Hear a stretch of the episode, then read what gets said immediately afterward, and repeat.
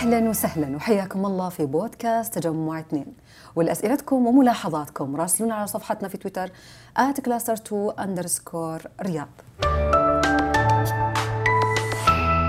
نظام الولادة الآمنة هو موضوع حلقتنا لليوم.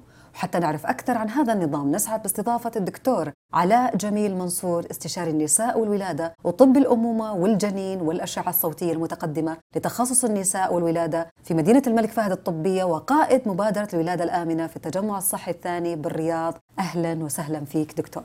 أهلا وسهلا فيكم. شكرا على الاستضافة.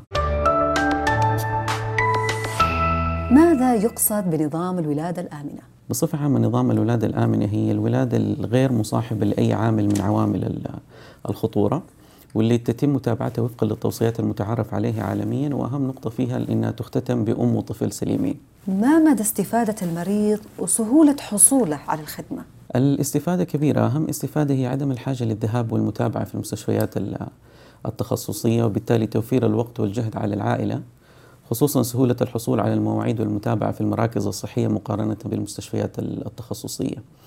ذلك باستخدام طبعا المنصات حقت الم- المواعيد وال- والعيادات اللي من وزارة الصحة في الموقع. هل راح يكون فريق الرعاية الصحية في مراكز الرعاية الأولية بنفس الكفاءة الموجودة في المستشفيات والمدينة الطبية؟ آه أكيد فرق الرعاية الصحية مؤهلين لمتابعة الحمل اللي قليل ال- الخطورة في المراكز الصحية وطبعا قادرين على تشخيص أي عامل من عوامل الخطورة المصاحبة للحمل سواء في الزيارة الأولى في المركز الصحي أو أثناء المتابعة أثناء الحمل. وتتوفر برضو في المراكز خدمة فحص ما قبل الزواج وعيادة الطفل السليم. آه، الجديد في مراكز التجمع الصحي الثاني آه، اس- استحداث خدمة الأشعة ال- الصوتية لمتابعة الحمل وربطها بمدينة الملك فهد الطبية واللي تمكن الحامل من عمل الأشعة في المراكز ال- الصحية ويتم التشخيص وإصدار التقرير حق الأشعة.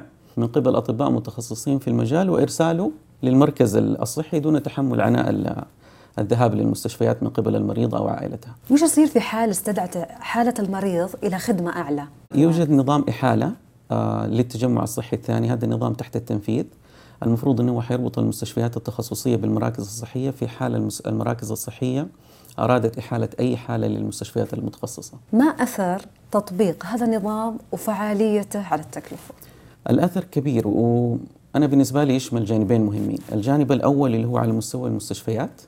هو تخفيف الضغط على المستشفيات من متابعة الحالات اللي ما تتطلب أي علاج تخصصي وبالتالي تقليل التكلفة وتوفير الموارد لاستخدامها في تقديم الخدمات للحالات المستدعية للعلاج التخصصي وطبعا توفير المواعيد لهذه الحالات. الجانب الثاني اللي هو على المستوى الشخصي وعلى المستوى المرأة الحامل أو عائلتها وهو توفير الوقت والعناء الذهاب للمستشفيات ال- التخصصية خصوصا لو كانت جغرافيا لا تتناسب مع مع ال- المريضة.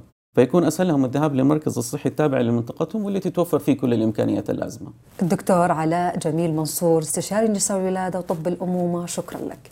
والشكر لكم مستمعينا. كان معكم مريم القحطاني من إعداد تقديم هذه الحلقة في أمان الله.